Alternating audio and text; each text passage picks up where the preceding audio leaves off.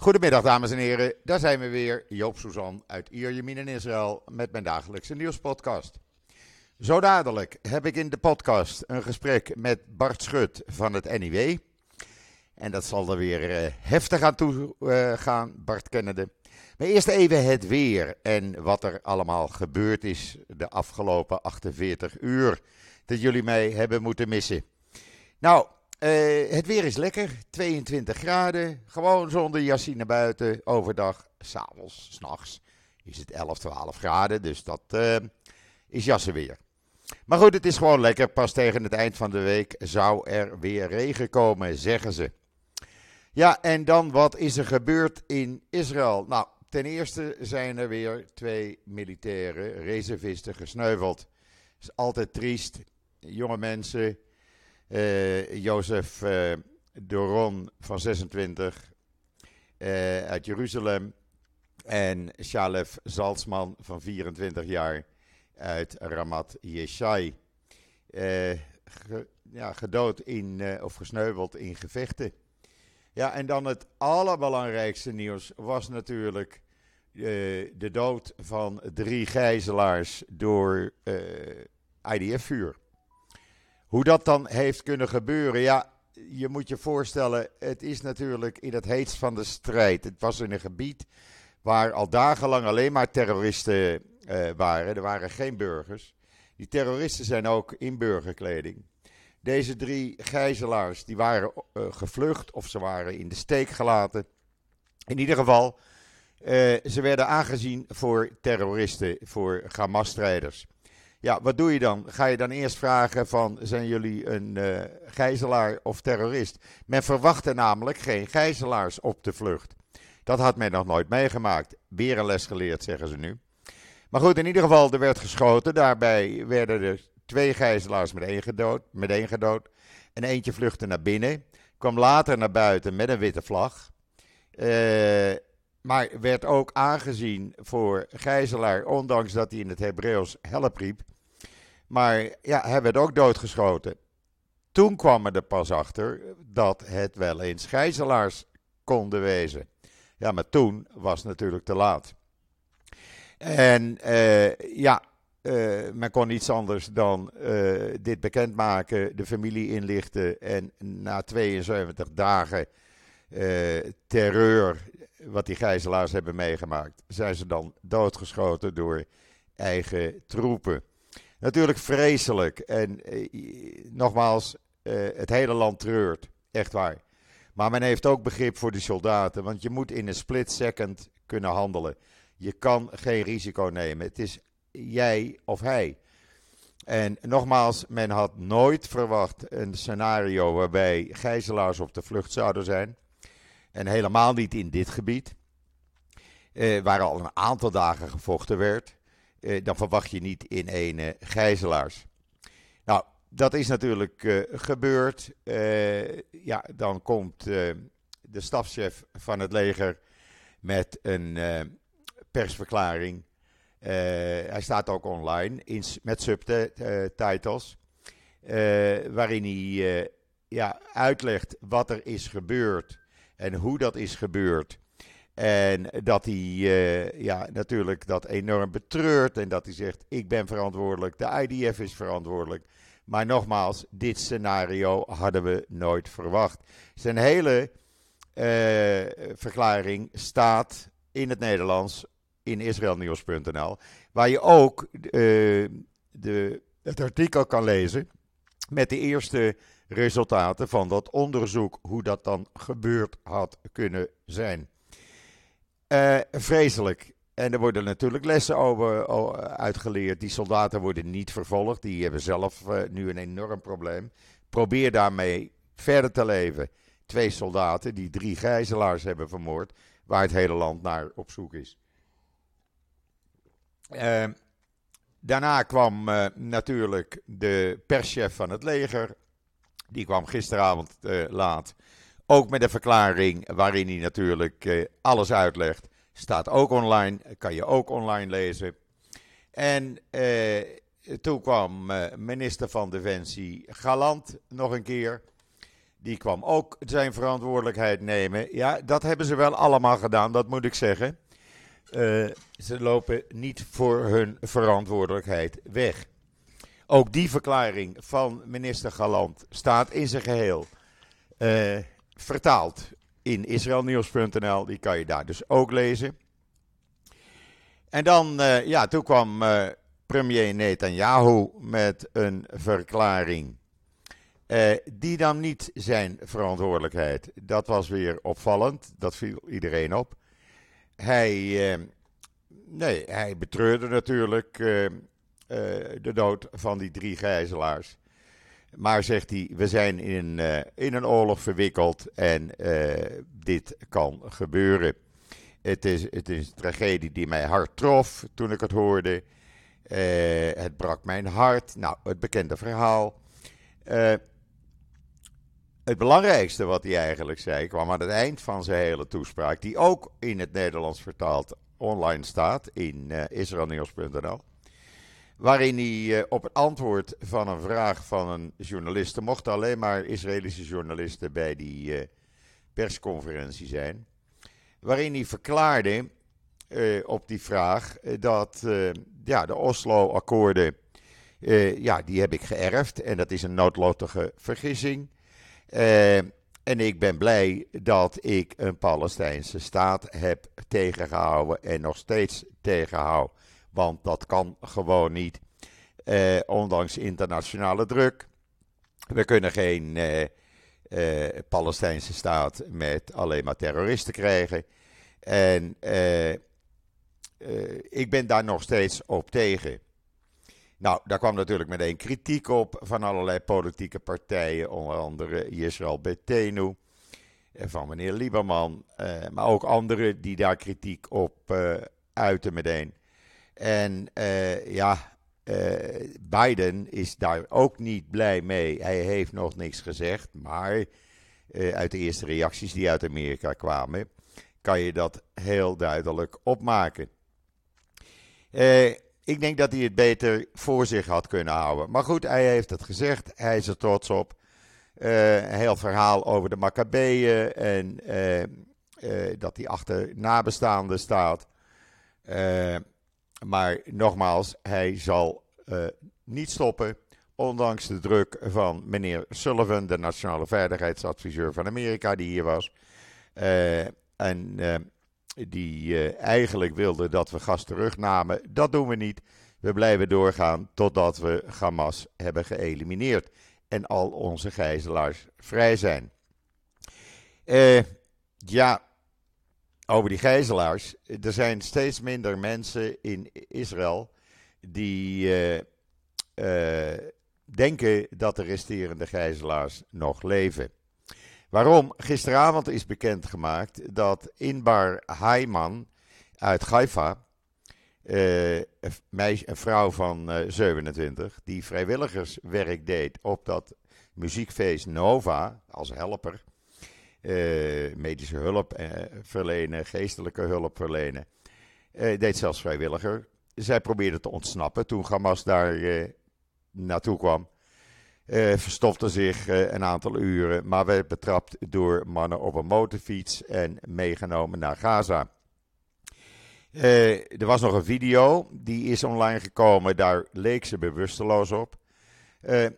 en uiteindelijk heeft het Forum for Missing Families gisteravond bekendgemaakt dat na bevestiging van de IDF zij dood is verklaard. Haar stoffelijk overschot is nog in uh, Gaza, in handen van Hamas, is nog niet vrijgegeven. Uh, het hele verhaal, hoe dat is gebeurd, kan je ook lezen in israelnieuws.nl. En zo zijn er elke dag een aantal gijzelaars waarvan bekend wordt gemaakt dat ze zijn gesneuveld. En dat geeft natuurlijk te denken. Um, ja, men is pessimistisch. Eh, nogmaals, men hoopt dat er nog gijzelaars levend eh, eh, uitkomen. Maar ja, als je hier om je heen vraagt en met mensen spreekt, er zijn weinigen die nog positief zijn. En ja, het, het, het, zou dan ruim 120 gijzelaars zijn. Het zou verschrikkelijk zijn, echt waar. Ondertussen speelt het voetbalteam van Maccabi uh, Tel Aviv vanavond met speciaal ontworpen shirts. In de Davidster, die is samengesteld eigenlijk uit alle namen van de fans die uh, sinds 7 oktober zijn omgekomen. Niet alleen in de kibbutzim op 7 oktober, maar ook uh, in de periode van 7 oktober tot nu. onder de soldaten, onder de gijzelaars. En die zijn gerangschikt, die namen, in de vorm van een Davidster. Heel apart. dat is een mooi gebaar, vind ik zelf. Dan is de Franse minister van Buitenlandse Zaken, Catherine Colonna. Die is nu in Israël. En die wil een onmiddellijke wapenstilstand. Uh, ze gaat ook met families uh, spreken van mensen die omgekomen zijn. En van Franse gijzelaars. Want er zitten natuurlijk Frans-Israëlische gijzelaars bij. ondertussen heeft de Duitse en Engelse minister van Buitenlandse Zaken bekendgemaakt hoe, over eenheid gesproken, dat uh, ja, hoewel ze een wapenstilstand willen en absoluut willen dat Israël uh, gas terugneemt, ze begrip hebben voor Israël en dat een wapenstilstand op dit moment gewoon niet mogelijk is door wat er allemaal gebeurt. Uh, die, hebben dan, die begrijpen het dan, dan eigenlijk meer. Ja, dan hebben we nog British Airways. Ze willen geen kant kiezen, zeggen ze. En waar zou dat kant kiezen dan uit bestaan, of partij kiezen? Nou, dan ga je een, eh, een uh, serie vertonen in je vliegtuigen die gaat over Joodse families in Londen. Ja, dan zou je de kant van uh, Israël kiezen. Nou, sorry, zoiets absurds heb ik nog nooit gehoord. Maar goed, het is British Airways die, ja, die was wel eens, niet, uh, wel eens meer niet kosher. En dan, gisteren heb ik een uh, artikel vertaald online gezet in israelnieuws.nl. Ja, er staat echt heel veel nieuws in hoor.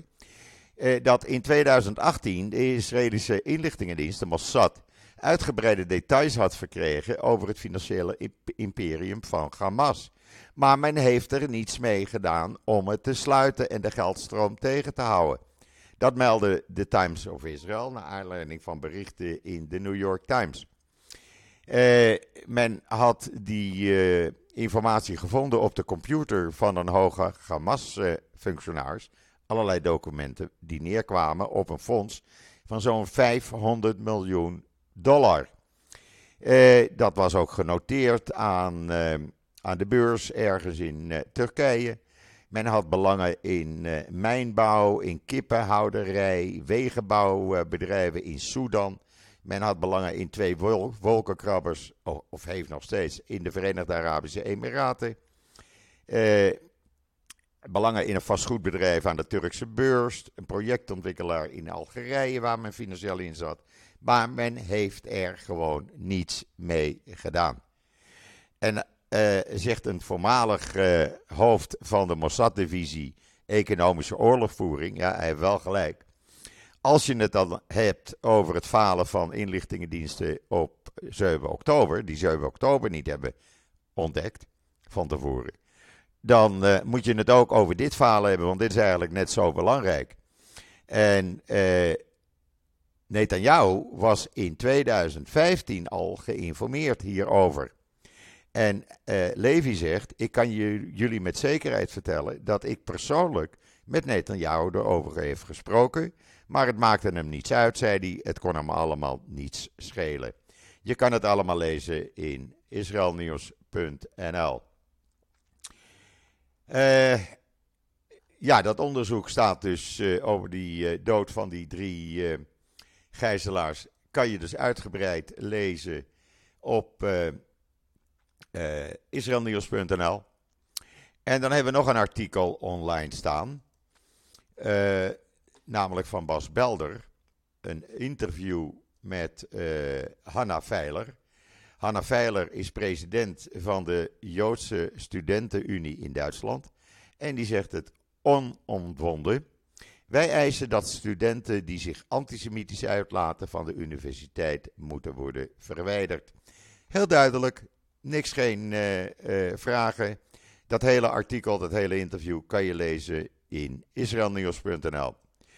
Waar je ook nog kan lezen dat de commandant van CENTCOM voor de derde keer sinds 7 oktober in Israël op bezoek was. Ook hij was in oorlogskledij gekleed. Niet een mooi uniform aan. Hij dacht, ik kom bij mijn eh, vriend, de Israëlische stafchef. Die is in oorlogskleding. Ik pas me daarbij aan. Dus uh, ja, uh, generaal Kurila, die was dus even hier en die heeft met Halevi gesproken en met het hoofd van de uh, Shin Bet gesproken en nog meer hoge officieren.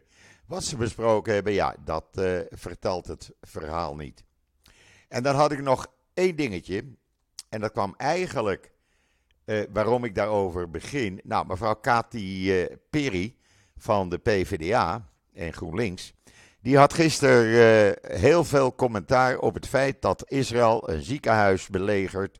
En artsen kunnen hun wapens niet doen. sorry, artsen kunnen hun werk niet doen.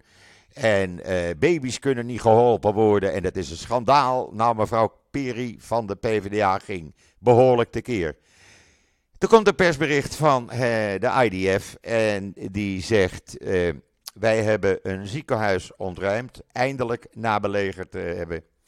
Een ziekenhuis waarin eh, dat werd gebruikt als een controlecentrum door Hamas.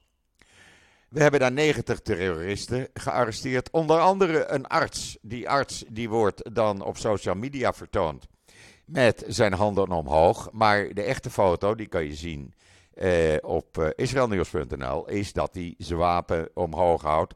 Moeten ze allemaal doen met ontbloot bovenlijf om hun wapen af te geven. Ook hij is gearresteerd. En wat vonden ze in de couveuses? Daar vonden ze wapens, explosieven, munitie, noem het maar op.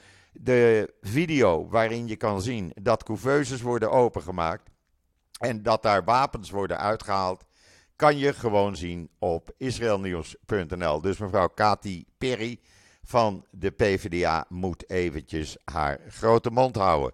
Want IDF weet gelukkig wat ze aan het doen zijn en laat zich niet in de luren leggen omdat iemand zegt hij is arts en blijkt dus gewoon terrorist te zijn. Nou, dan ga ik nu kijken eh, of ik eh, Bart Schut aan de lijn kan, eh, kan krijgen. En dan gaan we met hem nog even een lang gesprek aan. Even een seconde geduld, alsjeblieft. Nou, het is weer gelukt, dames en heren. Ondanks dat uh, Bart een beetje ziekjes is, waarschijnlijk COVID, heb ik Bart toch aan de lijn en wil hij uh, toch even zijn zegje doen. Bart, goedemiddag. Goedemiddag Joop, ik hoop dat het gewoon een griepje is hoor. Ja, nou ja, laten we het hopen. doe maar even een, een testje zou ik zeggen. We doen zo een testje, ja. Tegenwoordig kan dat niet meer zonder hè. Bart, er is, er, is het er is het een en ander gebeurd gedurende het Israëlische weekend hier. Waarbij het ergste, Dat, natuurlijk, ja. het ergste natuurlijk was het doodschieten van die drie gijzelaars. Wat niemand, ik, had dat, ik heb dat in de introductie ook al gezegd, niemand had ooit verwacht dat er opeens gijzelaars los zouden lopen. dat is een heel nieuw scenario. Maar ja, ze zijn wel doodgeschoten. Ja, dat is een beetje het punt. Uh, zelfs als het geen gijzelaars zouden zijn geweest, is het niet de bedoeling dat je uh, halfnaakte mannen die zich overgeven met een witte vlag uh, doodschiet. Dat mag gewoon niet volgens de oorlogsrecht. Um, en als het deze, toevallig deze drie gebeurden, die dan uiteindelijk gijzelaars blijken te zijn, is het natuurlijk een extra groot drama. Ja. Maar je vraagt je wel af, wat is er aan de hand? Vorige week is er een uh, Israëlische held in Jeruzalem doodgeschoten door zijn eigen, door, door het leger. Nadat hij notabene twee Hamas-terroristen had gedood. Ja. Die zich heel duidelijk uh, identificeerde als een Israëli die zijn wapen op de, op de weg legde, op zijn knieën ging zitten, zijn hand omhoog stak en in het Hebreeuws zei: jongens, niet schieten. Ja. Waarvan de omstanders riepen naar de soldaten die schoot: mannen, uh, dit is de held die ons gered heeft. En hij werd toch uh, aan flatten geknald. Ja. Dus er zitten wat mensen. Er zitten, kijk, in, ik kan me dat enigszins voorstellen in, in, de, in de fog of war in Gaza. Dat vind ik dan. Uh, je moet je voorstellen, er zit een zo'n jongen van 18, 19. En die vechten al. Nou, hoe lang is het? Al bijna twee maanden. Nou, ze waren in dit, gebied, in dit gebied waren ze al dagen tegen terroristen aan het vechten. Hè? Er was geen burger ja, ja. Uh, gezien. Geen enkele burger. Nee. En die terroristen waren ook, ook allemaal moet je, ook dan... in burgerkleding. Hè? Niemand was in militaire uitrusting of zo. Dus ja. Absoluut, maar ook dan moet je, moet je je mannen zo instrueren. En als je dat niet doet, dan heb je een probleem. Dat als uh, mensen zich overgeven, dan uh, heb je niet het recht als Israëlische soldaat om ze, om ze dood te schieten. Heel nee. simpel. En in dit geval komt het uit omdat het uh, gijzelaars bleken te zijn. Het spreekt zeer voor de IDF dat ze hier open kaart over spelen. Dat ze het niet in het doofvot stoppen en niet zeggen van jongens, uh, er is niks gebeurd of, of ze zijn doodgeschoten door Hamas of dat soort zaken. Wat je natuurlijk had kunnen verwachten als het aan de andere kant was gebeurd. Maar er zit wel een klein probleem. Als je nu twee van dit soort voorbeelden hebt waarbij je eigen mensen worden doodgeschoten door misschien wel trigger-happy soldaten of uh, anders uh, stijf van de PTSS staande soldaten. Ja, dan moet je toch afvragen van jongens, uh, kloppen onze, onze, onze ROI, onze Rules of Engagement, de voorwaarden waaronder wij het vuur openen, uh, kloppen die wel en moeten we daar niet uh, ernstig uh, verandering aan brengen, ook om te voorkomen dat het niet nog een keer gebeurt. Ja, ja dat zeggen ze nu. we gaan nu dit scenario in kaart brengen en we zullen er rekening mee houden. Maar ja, nu is het te laat natuurlijk. Want ja, dat zijn, dat zijn drie, drie gijzelaars minder. Ja, dat is, dat is ontzettend pijnlijk. Dus ja. het, is, het is ook voor de families. Het is nog net een tikje erger, uh, denk ik. Ik kan me niet goed voorstellen, want ja, wie heeft in die situatie gezeten? Maar ik kan me kunnen voorstellen dat het nog een tikje pijnlijker is dat jouw geliefde, jouw zoon, jouw vader, jouw neef, jouw broer, jouw echtgenoot uh, wordt doodgeschoten door jouw eigen mensen. Ja. Terwijl die eigenlijk dus al veilig was dan door, dan door de terroristen zelf. Ja, ja, absoluut. Maar nogmaals, men heeft er begrip voor hier in Israël aan de ene kant. Aan de andere kant, het hele land is in rouw. Eh, want dit is, dit is een tragedie, een verschrikkelijke tragedie. Eh, men heeft er begrip voor omdat iedereen weet hoe snel je je beslissing moet nemen. Maar nogmaals, je hebt gelijk, dan schiet je niet iemand dood, dan schiet je op de benen of whatever. Maar ja, jongens van 18, 19 jaar die al dagen aan het vechten zijn in dat gebied en alleen maar terroristen ontmoeten, hadden nooit verwacht dat daar opeens gijzelaars naar buiten zouden komen. Nee, dat is, dat is ook wel best wel begrijpelijk. Want er is ook een eh, frustratie uh, bij uh, uh, IDF, hè? Er is een frustratie. Omdat men de gijzelaars niet kan vinden. Men raakt men, Deze frustratie omdat A, men de gijzelaars niet kan vinden. B ook uh, uh, omdat uh, twee dagen daarvoor, of één dag daarvoor, dat van, van dit precies gebeurd is. tijdens een, een hinderlaag acht, tegelijk acht IDF-soldaten, waaronder vrij hoge officier en nog wat andere officieren, zijn gedood in een hinderlaag. Ja. Dat speelt ook een rol. Dat, uh, dat maakt ook mensen dat ze minder, dat ze minder uh, risico's gaan nemen ja. bij het nemen van, uh, van gevangenen. Maar hoe je het ook vindt of verkeerd, het natuurlijk niet. Het is niet conform de regels van, nee. de, van de oorlogsvoering. Nee. En daar moet Israël zich wel aan blijven houden. Want anders verlies je, je totaal je, je laatste restje morele overwicht. Absoluut. En dat moeten we natuurlijk niet hebben. Nee, nee, nee. Nogmaals, het is, het is verschrikkelijk. En iedereen neemt ook zijn verantwoording, behalve Netanyahu. Iedereen behalve, ja. Uh, dat is het patroon wat we natuurlijk kennen van de afgelopen weken, maanden, nou jaren. Bekend, ja. dat, dat iedereen, uh, dat uh, de Halevi, de, de, de stafchef, neemt zijn verantwoordelijkheid. de, de minister van Defensie, Galant. De Mossad neemt verantwoordelijkheid voor zaken. De Shin Bet neemt verantwoordelijkheid voor zaken. De enige die het absoluut never nooit doet. En sterker nog actief op zoek gaat naar anderen om de schuld te geven. Ik denk aan jou. Ja, dat is ook een probleem. Hey, Netanyahu uh... is een probleem. Netanyahu is in ieder opzicht een probleem. Netanyahu is... Um, aan de ene kant begrijp ik dat men geen premierswissel uh, midden in een oorlog uh, doet. Aan de andere kant begrijp ik het ook niet, want laten we eerlijk zijn, het is niet alsof Netanyahu nou het dag tot dag voeren van de oorlog bepaalt. Hoop ik. Al heeft hij een redelijk, redelijk, in, redelijk indrukwekkende staat van dienst in het leger, dat wel. Maar ja, de man is een blok aan het been van het land. Dat was hij al voor de oorlog begon. En nu is het ook nog eens een keer intern heel sterk. Die man moet weg, die man moet over, die mans carrière moet voorbij zijn. Of hij in de gevangenis thuis hoort, dat mag de rechter uitmaken. Maar waar die in ieder geval niet thuis hoort, is in de regering. Ja, nou, er is een, er is een groot probleem. Hij laat bijvoorbeeld Benkwier toestaan dat hij kolonisten bewapent ja, ja, dat, en, en, en, hij, laat een, hij keurt een budget goed, een begroting goed met extra geld voor, het, voor de oorlog.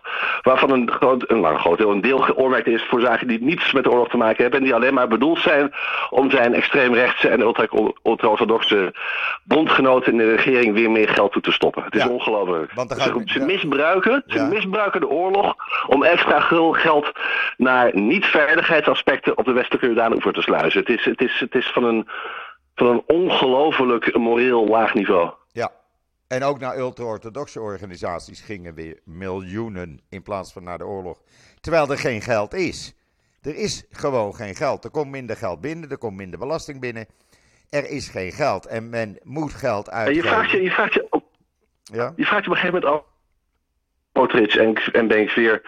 Interesseert Israël, uh, Israël hen überhaupt nog iets? Interesseert uh, het welzijn en de veiligheid van hun eigen land ze überhaupt? Of is het echt alleen maar hun agenda die, die doorgedrukt moet worden? Want ik, ik krijg sterk het gevoel dat deze mensen totaal niet geïnteresseerd zijn wat erin gaat. Dat zij Gaza als een, als een mogelijkheid, als een kans zien. In plaats van als de, als de enorme tragedie het grote risico voor, voor het voortbestaan van de staat is. En het feit dat Netanyahu daaraan toegeeft en daarin meegaat, ja. Nou, we hadden al geen erg goede, goede uh, blik op zijn, uh, zijn. Hij zal in de geschiedenisboeken niet, uh, niet komen als de man die die dacht dat hij zou zijn. Ja. Maar het, het gaat van kwaad naar erger. We dachten echt voor 7 oktober, nou, erger kan het niet. En toen 7 oktober gebeurde, dachten we nou misschien dat Bibi een spoortje laat zien van de leider die hij 20 jaar geleden was. Maar nee, alles, alles is wegduiken. Alles is toegeven aan extreem rechts. Alles wat de man doet is fout. Het is, het is, het is, het is echt om te huilen, sorry. En dan gisteravond op televisie uh, openlijk verklaren hoe trots hij wel is dat hij een Palestijnse staat tegenhoudt uh, en heeft gehouden. En dat hij de Oslo-akkoorden ziet hij als een probleem, want die heeft hij ook maar geërfd. Sterker nog, die heeft hij zelfs vergeleken met het bloedbad op 7 oktober. Ja, hij heeft gezegd van dat is, dat die, die staan op één lijn. Ja. De Oslo-akkoorden staan op één lijn met de moord op 1200 Israëli's. Dat soort dingen kan je niet zeggen. Dat kan je niet zeggen. Je mag het wel denken, maar je kan het niet zeggen. Vind ik. Je mag het ook eigenlijk niet denken. Nee, oké. maar goed, als hij dat wil denken, dan als moet je, dat... Als je gezond verstand hebt, als je, als je een normaal mens bent, als je, en als je het belang van de staat Israël voor ogen houdt. Maar dat doet Netanyahu ook al heel lang niet meer, laat we eerlijk zijn. Het gaat alleen maar om zijn eigen belang. Nou ja, kijk, en dan heeft hij nu natuurlijk een beetje steun van uh, Arabische landen. Saudi-Arabië, Emiraten die stil uh, blijven, Bahrein wat stil blijft. Uh, Egypte maakt ook niet echt veel kabaal richting kritiek. dus dat, dat ziet hij ook als steun. Van, ja, terwijl we allemaal weten dat ze, dat ze, dat ze stiekem achteraf, uh, dat ze van buiten, uh, dat ze, ja, ze beleiden met de mond, zijn ze natuurlijk aan de Palestijnse kant. Dat moeten ze doen, dat zijn ze, toe, uh, dat zijn ze daartoe verplicht, bij wijze van spreken. Maar we weten nou dat ze, dat ze in de, via de achterkamer zeggen van jongens, wat je doet Israël, we, wij stemmen wel bij de VN voor een, voor een staakt het vuren, maar doe ons een lol en maak Hamas een kopje kleiner. Ja, want zij zien Hamas ook als een groot blok aan het been. Ja, absoluut. Ze willen, ze willen niemand, uh, geen enkele Palestijn willen ze opvangen. ze willen nog wel wat hulp uh, sturen. Maar uh, Palestijnen opvangen in Egypte, nee, niet eens in de Sinai. maar Joop, jij stemt in Israël. Jij woont er, jij stemt er. Kun jij je nu nog voorstellen dat, dat, dat er een toekomst is voor Benjamin Netanyahu na deze oorlog in de politiek in Israël? Nee. Er zijn maar weinigen die zich uh, dat nog kunnen indenken. Nee. Maar goed, uh, hoe gaat hij verdwijnen? Want uh, er zijn geen verkiezingen. En als hij niet wil, komen er ook geen verkiezingen. Dus hoe krijg je hem weg? Ja, Barkat heeft het geprobeerd van de week. Hè? Die is opgestaan en gezegd van... ik stel me beschikbaar als nieuwe leider van de Likud. Uh, ja, maar goed, dat hebben we er meer gedaan. Ja, dat hebben we er meer gedaan in het verleden. en tegelijkertijd zit hij nu, probeert hij nu uh, Gideon Saar weer binnen te hengelen. Ja. Die krijgt ook om weer te- van alles. Om, om, om- die krijgt weer van alles, terwijl dat... Dus het is pure verdeel en heers trouwens, hè, wat, wat Netanyahu doet. Het is ontzettend doorzichtig. Maar op de een of andere manier zijn er blijkbaar niet binnen Likud eh geen persoonlijkheden die, die hier doorheen deur kunnen, kunnen breken. Ze zijn er wel, maar ze durven niet. Hè, Barkat, Ze durven niet. Nou ja, Barkat die komt er dan vooruit. Maar er zijn er nog, eh, er zijn er genoeg, genoeg jongere eh Likud-leden die best wel eh, het stokje willen overnemen. Maar ja, willen ze hun toekomst veiligstellen, dan kunnen ze dat niet door eh, anti-Netanyahu te zijn. Dat is het grote probleem. Want ben je anti-Netanyahu, dan heb je geen toekomst meer. Kijk. Bar- Barkat maakt het niets uit. Die heeft geld genoeg. Die, die wil niet eens een salaris hebben als minister. Eh, maar dat is een van de weinigen. Dat is echt een van de weinigen. Eh, Gans, Gans zie ik niet als sterk. Die is eh, galant. Die is blij dat hij een baan heeft. Dus ja, ga er maar aan staan. ja, Ja, het is... er is hier echt een probleem. Ik Het is, het, is heel, het, is, het, is, heel erg dat, dat, dat, dat. Ik heb het gewoon een keer tegen je gezegd. Dat in de tijd dat eh, Israël zijn leiders het meeste nodig heeft. Meer dan op welk moment ook, misschien wel sinds 1948, maar in ieder geval sinds 1973. ja.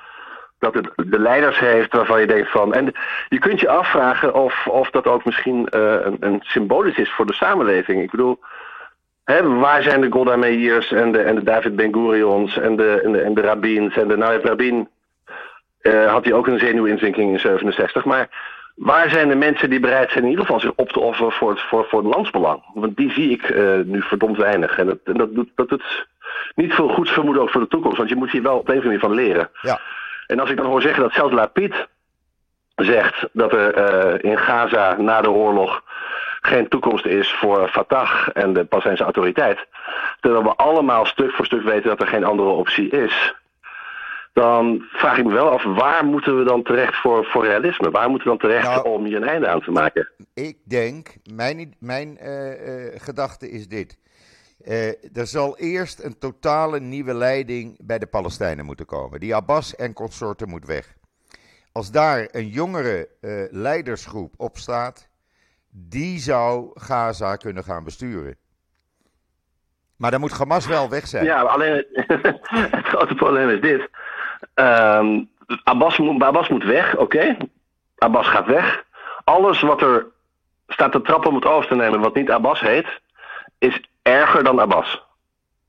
Is feller anti-Israël dan Abbas. Ja, omdat Dat je geldt daar, zowel voor Hamas, uiteraard. Ja, ja, ja. Als voor, de, als voor, de, als voor Baghoutin. De, de, de, de, de, de, de jongeren binnen Fatah zijn ook feller anti-Israël dan Abbas. ja. Dus je, natuurlijk moet Abbas weg, want Abbas is ook, wat is hij, 88. Man heeft ook het eeuwige leven niet. Ehm, maar je moet wel realistisch zijn. Je kunt wel hopen dat er dan een generatie opstaat die allemaal eh, in een cirkel met ons gaan zitten.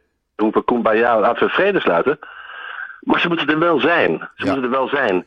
En ik, ik, ik vraag me af, ik, ik, ik mis het realisme. Ik mis het realisme van Rabin, ik mis het realisme van Sharon in het verleden mensen die, die, die kijken naar hoe de situatie is, in plaats van hoe ze graag zouden willen dat de situatie zou zijn. Of mensen die bereid zijn, want dat, je kunt zeggen wat, wat je wil van Sharon, maar Sharon durfde tegen zijn eigen kiezers in te gaan om vrede te maken. Dat deed hij. En dat zie ik bij de, heilige, bij de huidige club. En dat geldt, dat geldt voor Begin. Het is, vaak, het is vaak links praat vaak over, over vrede. En, en rechts is vaak degene die de vrede maakt. Dan vraag ik me af, eh, wie gaat dat nu doen? Ja. Wie gaat dat nu doen? Ja, ze zijn Want denkt men echt, denkt men serieus, dat, denkt men dat, dat we Gaza opnieuw gaan bezetten en bezet houden? Dat kan niet. Denkt men dat, dat er, dat er, dat er eh, zomaar uit het niets opeens een leider opstaat die eh, genoeg Palestijnen achter zich heeft om, om, om, om over vrede te praten? En eh, het is niet Abbas? Ik zie ze niet hoor. Nee. nee. En Israël En ze kan, blijkt, het blijkt ook niet uit opiniepeilingen Ja. onder de Palestijnen. Integendeel. die zijn allemaal in ruime meerderheid voor Hamas. En Israël kan, gewoon, Israël kan gewoon Gaza niet gaan bezetten. Ze zullen misschien een gedeelte eh, bezet houden, eh, een klein gedeelte dicht bij de grens, of wat, wat op dit moment de grens is. Maar je kan geen eh, volledige bezetting gaan doen. Eh 2,5 miljoen mensen wonen daar. Dat, dat kan gewoon niet. En als, als ze dat ga- zouden gaan doen, Ja, dan zitten we in een, in een toestand die niemand wil. En waar je niet meer uitkomt. Niemand wil. En het, het, lijkt haast wel alsof er in, en dat is eigenlijk heel terug, alsof er in Washington meer realisme bestaat over de situatie in Gaza en de westelijke Jordaanoever dan in Jeruzalem. En dat is iets waar je wel zorgen over moet maken. Want Israël is wel altijd, is eigenlijk altijd een bijzonder realistisch land geweest. En daar hebben altijd mensen die er, de experts, de koelere koppen, hebben over het algemeen uh, eigenlijk altijd de overhand gehad. En nu zie ik opeens dat de koele koppen zitten bij Blinken en zitten bij, zitten bij Biden en Blinken. Maar waar zitten ze in de regering? Gans is een koele kop. Ja, maar hij heeft, en, dan moet, maar Gans is weer slap. Gans kan pas... Gans is weer slap. Ik weet of hij slap is. Hij durft, niet tegen is. Hij durft niet tegen Netanyahu in te gaan. Dat doet hij niet. En dat betreur ik. Dat weet ik niet. Ehm, eh, dat, dat, hij zit in een oorlogskabinet waar hij eh, als een van drie zit. Dat is natuurlijk ook lastig. Eh, hij heeft verantwoordelijkheid op zich genomen. Hij is stafchef van, het, van, het, van de IDF geweest. Hij heeft een redelijk goed cv wat dat betreft. Eh, hij is een man van het centrum. Dat is ook wat je nu nodig hebt. Want het, de Merets gaat het niet oplossen nu. Nee. Over Favoda. Dus, ehm, maar hij kan, pas, hij kan pas echt wat als er nieuwe verkiezingen zijn en, en, en, en Netanyahu het veld ruimt. En zolang dat niet gebeurt, zitten we met deze club, zitten we met Netanyahu die nu alweer bezig is coalities te smeden om zijn positie te behouden na de oorlog. Ja. Iets waarvan we allemaal zeggen, die man die kan er niet zijn. Die man heeft zoveel... Hè, hij hij heeft geen schuld aan wat er gebeurd is, maar hij heeft ook wel degelijk verantwoordelijkheid. Absoluut. Zou die moeten hebben. We vinden allemaal dat hij weg moet, maar hij vindt niet dat hij weg moet. En hij is, reken erop, Netanyahu is bezig met het plannen van zijn politieke toekomst als deze oorlog voorbij is. Dat is. eh, En als er geen verkiezingen komen Ja. en hij houdt zijn rechtse coalitie bijeen en Gans stapt er weer uit, dan is er geen enkele reden waarom hij niet gewoon door zou kunnen gaan. Ja. En dat is wel, ja, dat is, dat is toch wel heel erg, heel erg slecht vooruitzicht. Nou ja, het, het- het- Zowel voor Israël intern als voor, als voor de, de, de toekomst met de Palestijnen. Ja, nou ja, en wat het gaat worden, dat konden we van de week zien uit een heel klein eh, eh, dingetje wat gebeurde. Eh, zijn zoon, die uit Amerika terug is gekomen, is dus niet het, dienst, eh, het leger ingegaan. Al had hij maar eh, ergens vrachtwagenchauffeur of achter een radio gezeten. Maar hij is niet het leger ingegaan. Maar heeft wel een diplomatiek paspoort gekregen. Ja, het zegt heel veel over, over hoe deze genoeg. regering Het aankijkt. ja. Het is, het, het is een, ja, ja men, men kijkt, deze regering kijkt, kijkt naar zijn mandaat als eh, een persoonlijk mandaat. Het is niet, ze regeren niet Israël, ze regeren eh, de Israëli's die op hen gestemd hebben. Nee. En vooral in hun eigen voordeel. Eh Jair, Jair Netanyahu is een, is een fysieke lafaard. Terwijl, terwijl, en dat is heel, heel opvallend. Hè? Het is iemand die al, al jarenlang iedereen op links ervoor uitmaakt dat ze, dat ze landverraders zijn en dat ze verschrikkelijk zijn en dat ze Ja. de ramp van Israël zijn. Ja. Maar nou heeft hij één mogelijkheid om te laten zien, hè, om de daad bij het woord te voegen en, en, en hij doet niks. En hij krijgt keurig een diplomatiek paspoort, zodat hij ook niet opgepakt kan worden. Het valt me al op mee dat hij niet nog steeds aan het feesten is in Florida, waar hij woont. Maar Nee, hij zit terug naar hier. Israël Hij, en hij zit hij? hier. Hij zit Ja. hier. Ja. nee, precies. En hij gaat voor een mee, fotoshoot, maar- eh, voor een fotoshoot gaat hij even eh, bij United Hatzalah langs. En dan gaat hij even achter de, achter de radiomicrofoon zitten. En dat was alleen voor de foto en de video. En daarna ging hij weer ergens anders naartoe, wat niemand weet. Dus ja, dat is ook een probleem. En daar kijk ik... Maar goed, inderdaad, je hebt gelijk. Het, het grotere probleem is dat, dat, dat, dat, Cohen, de minister van Buitenlandse Zaken, zo iemand een diplomatiek paspoort geeft. Het is, het is van, een, van, een, van, een, van een nepotisme en van een Ja. corruptie die, die werkelijk, werkelijk eh, zeker in deze tijd, waarin saamhorigheid, waarin solidariteit, waarin de gelederen sluiten tegen de gemeenschappelijke vijand. Want er zijn er genoeg nu, hè? En de burgers Op doen dat, dat, hè? moment ben je nog steeds alleen maar bezig. Ja, de burgers wel, maar de, maar de leiders niet. Nee. En dat is, dat is bijzonder verontrustend. Ja, absoluut. En dat verontrust iedereen op dit moment. Echt waar. Ik bedoel, de jongste zoon van Michel, die is vanmorgen weer eh, de dienst ingegaan. Vrouw en vier kinderen thuis. Hij doet dat vrijwillig. Hij is niet opgeroepen, want hij is de leeftijd gepasseerd. Maar hij is met zijn voormalige eenheid, is hij al vijf weken, zes weken eh, in dienst. Eh, eh, als vrijwilliger. Wat ze doen, ik weet het niet. Ik vraag het niet. En eh, ik vind het prima. Maar hij is wel weer weg voor onbepaalde tijd met zijn telefoon uit. Maar, maar mijn vraag is dan de volgende, Joop. En jij weet dat beter dan ik.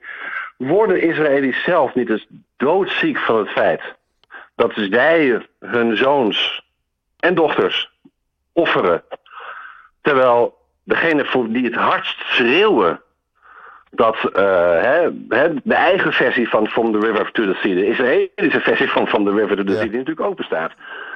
Uh, mensen die roepen we moeten nieuwe nederzettingen in Gaza bouwen.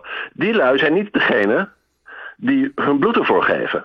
Nee. Dat zijn de lui die, die, die lekker, lekker uh, door olijfgaarden lopen op de Wester-Jordaanoever met een M16 om hun, om hun, op, om hun schouder. En de, de, de huizen van, van, van Palestijnse boeren in de brand steken. Wordt men niet doodziek ervan dat voor hun extremistische agenda jouw zoon, jouw dochter, jouw neef, jouw broer, jouw echtgenoot, jouw vrouw daarvoor moeten sneuvelen. Ik, het lijkt me zo ongelooflijk. En, en dan zeg ik nog maar over de ultra-orthodoxen, die natuurlijk helemaal niet vechten. Nee. nou, ook, helemaal niet nou er zijn genoeg ultra-orthodoxen die wel in dienst zijn gegaan de laatste weken.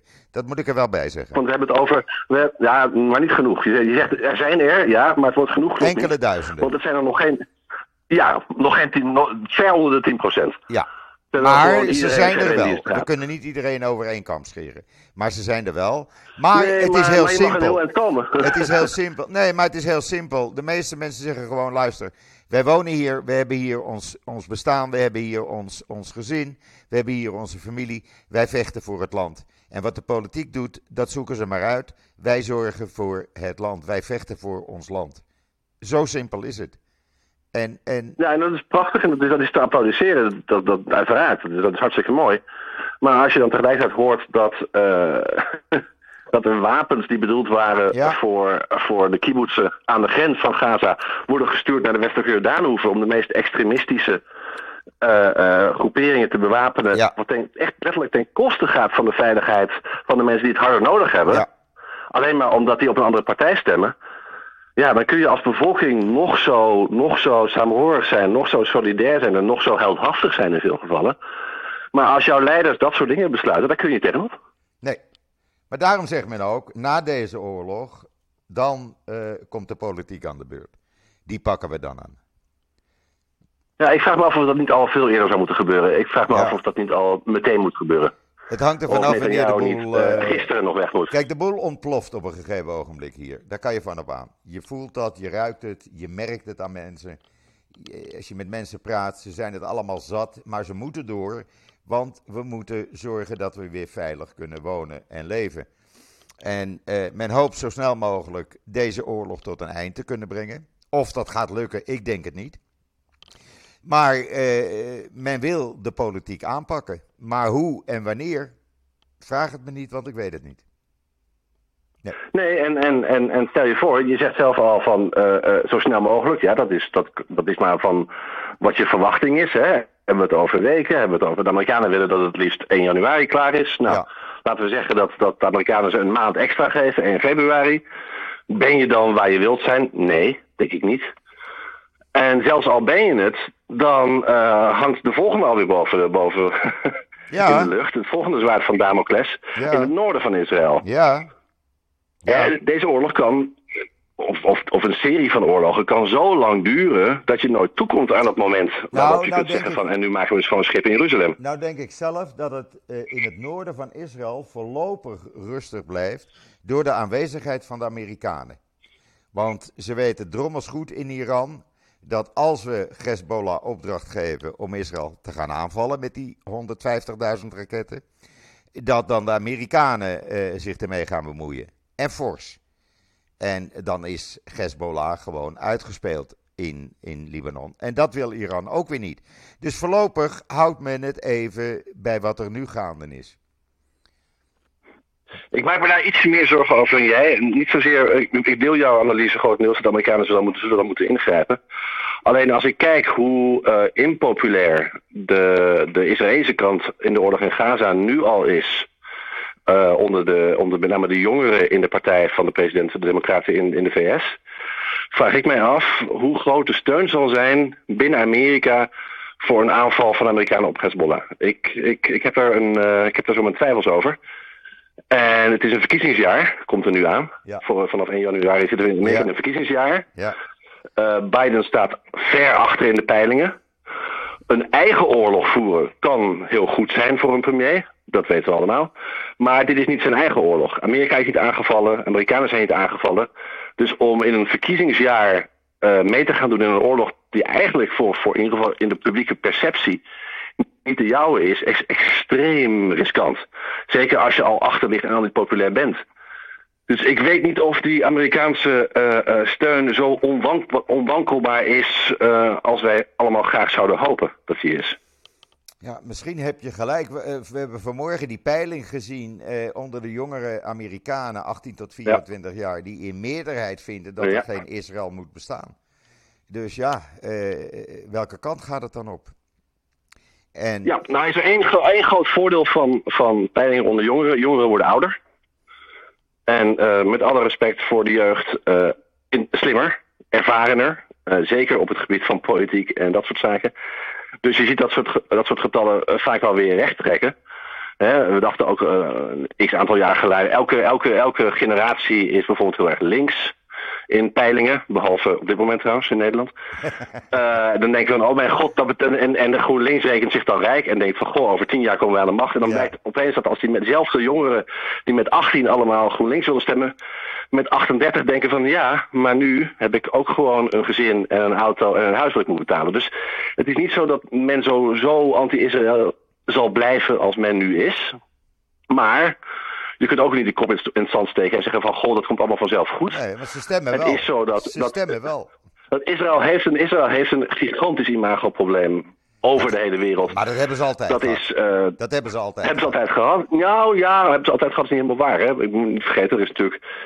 Uh, uh, toen, toen, ik opgroeide, was Israël uitermate populair bij de man in de straat. En zelfs nog in de politiek deels. Zelfs bij de Partij als de Partij van de Arbeid in Nederland. En in Amerika in de jaren tachtig was, was, was steun voor, voor Israël uh, impliciet. Dus, dus er is wel wat aan het veranderen. Uh, dat kun je deels voor een klein deel, uh, nou voor een redelijk deel, op kosten van, uh, van onze vriend meneer Benjamin Netanyahu rekenen. Ik denk dat hij in de afgelopen, met name de afgelopen tien jaar, ongelooflijk veel kapot heeft gemaakt voor Israël. Aan de andere kant moet je ook gewoon eerlijk zijn en zeggen van ja, maar er speelt natuurlijk veel meer. Hè? De pers, de universitaire wereld, de um, verlinksing met name van pers en de universitaire wereld, maar ook de islamisering van uh, bepaalde academische wereld. De coalities die je ziet tussen bijvoorbeeld een Black Lives Matter beweging in Amerika en uh, antisemieten vanuit, ofwel vanuit isla islamitische, ofwel vanuit extreem linkse achtergrond. Ja, die winnen het. Die winnen het uh, sterk de afgelopen, afgelopen jaren. Winnen het steeds meer en steeds sneller. Ja. Uh, en, en antisemitisme viert hoogtij in, in, in Amerika. Ja. Eigenlijk kun je zeggen voor het eerst, nou noem eens wat, sinds de jaren 50. Toen een aantal, aantal uh, hè, vroeger mochten vroeger bijvoorbeeld de meeste Amerikaanse universiteiten hadden vroeger een maximum van het aantal Joodse studenten wat erop mocht komen. Nou, dat zie je nu niet letterlijk terugkomen, maar wel een beetje. En, en um, je ziet het, je hebt het gezien aan hoe er gereageerd werd door de, door de, door de, door de bazen van, wat was het, Harvard, Penn en, wat was de derde? Wat was de derde? Was het? Uh, MIT, MIT. Maar je ziet het ook ja. op Stanford, op Cornell, op Columbia, ja. op alle grote en vooral ook de goede universiteiten. Zie je dat uh, antisemitisme dat het bestaat is, daar, is tot daar aan toe. Maar dat het steeds openlijker bestaat. Dat er dus niet meer tegen opgetreden wordt. En dat het oké okay is tegenwoordig om openlijk te zeggen van jongens, ik wil dat Israël als Joodse staat verdwijnt. Dat was 30, 40 jaar geleden ondenkbaar. Ja. Dus er is wel degelijk iets aan het veranderen. Het is niet zo dat, dat Israël altijd zo impopulair geweest is. Nee, nee. Nee, maar de PR van Israël is altijd slecht geweest. Israël heeft nooit een goede PR-machine gehad. Uh, ja, als ze het Songfestival uh, wonnen, hadden, waren ze weer populair. maar, ja, maar, maar hun PR, de PR van Israël is gewoon altijd slecht geweest en zal het ook altijd blijven. Ja, maar het is ook, het is ook, het is ook een kwestie van getallen. Hè? Ik bedoel, ja, ja, ja, ja, ja, ja. PR nog zo goed. Ja, ja. Als jij, als, jij, als jij 7 miljoen Joden in Israël hebt en je hebt er nog eens een keer 6,5 in Amerika en je hebt er nog een keer 3 miljoen wereldwijd. En je praat over, nou, als je het heel wijd neemt, misschien 20 miljoen mensen. Nee, 15. 15. 15 miljoen. Ja, goed, maar dat hangt ook een beetje vanaf wat, wat je rekent. Hè. Uh, je kunt in Rusland kun je zeggen, er zijn, er zijn nog, er zijn nog 50.000 Joden in, in, Rusland, of er zijn nog 300.000 Joden in Rusland. Dus het hangt een beetje vanaf wat je ja, ja, hoe, hoe je het bekijkt. Hè, als je dat doet, ja. uh, dat, als je, uh, neem het zo ruim als je kunt en zeg dat je er 20 miljoen hebt, fijn. Ja, dat is nog steeds 1% van het aantal moslims op aarde. Ja. Ja. En dat is een, een, een heel klein groepje vergeleken bij het aantal uh, uh, mensen. Hè? De Joodse gemeenschap in Amerika is groot, is traditioneel invloedrijk. Maar je ziet nu dat de, de, de, bijvoorbeeld de, een groot deel van de zwarte bevolking heel erg anti-Joods is. Ja. Anti-Israël sowieso, maar ook gewoon anti-Joods. En dat zijn er toch echt wel gewoon heel erg veel meer. Hè, dat zijn 30 miljoen mensen uh, in potentie. Is dat jouw hond, uh, Joop? Dat is mijn hond. Die vindt dat het tijd is voor zijn, die vindt dat het tijd is voor zijn cookie. dat deed hij van de week ook. Dat is een nieuwe, iets nieuws van hem. Check het. Oké. Okay, dat is iets nieuws van hem. Dan vindt hij dat het te lang duurt. Het is nou tijd voor mijn cookie. Dat, ja, misschien moeten we dat, dat als, als uh, zachte hint. Uh, je wil het niet misschien moeten we dat als hint opnemen. Dat beest dat is zo intelligent. Die begrijpt alles. Yes, Rekka. Dus eh, nee, dan moeten we er toch een eind aan gaan maken. Eigenlijk, hoe jammer het ook is. Okay, maar dan gaan we de volgende keer verder. Ja, Trouwens, jij bent ziek. Is goed. Jij bent ziek. Je hebt al veel langer gesproken ja. als dat je dacht dat je zou volhouden. Uh, Correct. Zorg maar dat je beter wordt. Dat is veel belangrijker. We gaan het best doen. Want we hebben we bij, het de, bij het NIW hebben we je ook weer hard nodig natuurlijk. Hè? Vergeet dat niet. Uh, ik hoop het. Ik, hoop, ik, ik, ik, denk, ik, denk graag, ik denk graag van wel. Maar ja, je weet, niemand is vervangbaar, hè Joop. Dus, uh... Nee, maar... Oh, sorry. Niemand is onvervangbaar. Onvervangbaar. Onvervangbaar. nou, maar in dit geval, ik geniet wel van je artikelen. Ik kan ze iedereen aanraden. Nou, dat, dus, dankjewel man. Ja. hey, heel veel beterschap. Enorm bedankt dat je, dankjewel. dat je toch hebt meegewerkt. En, uh... heel graag, altijd bereid. Oké, okay, dankjewel. En ga lekker uitzieken. Oké okay, man, hartstikke okay. bedankt. Jij ook bedankt. Tot ziens. Oké, okay, hi. Bye.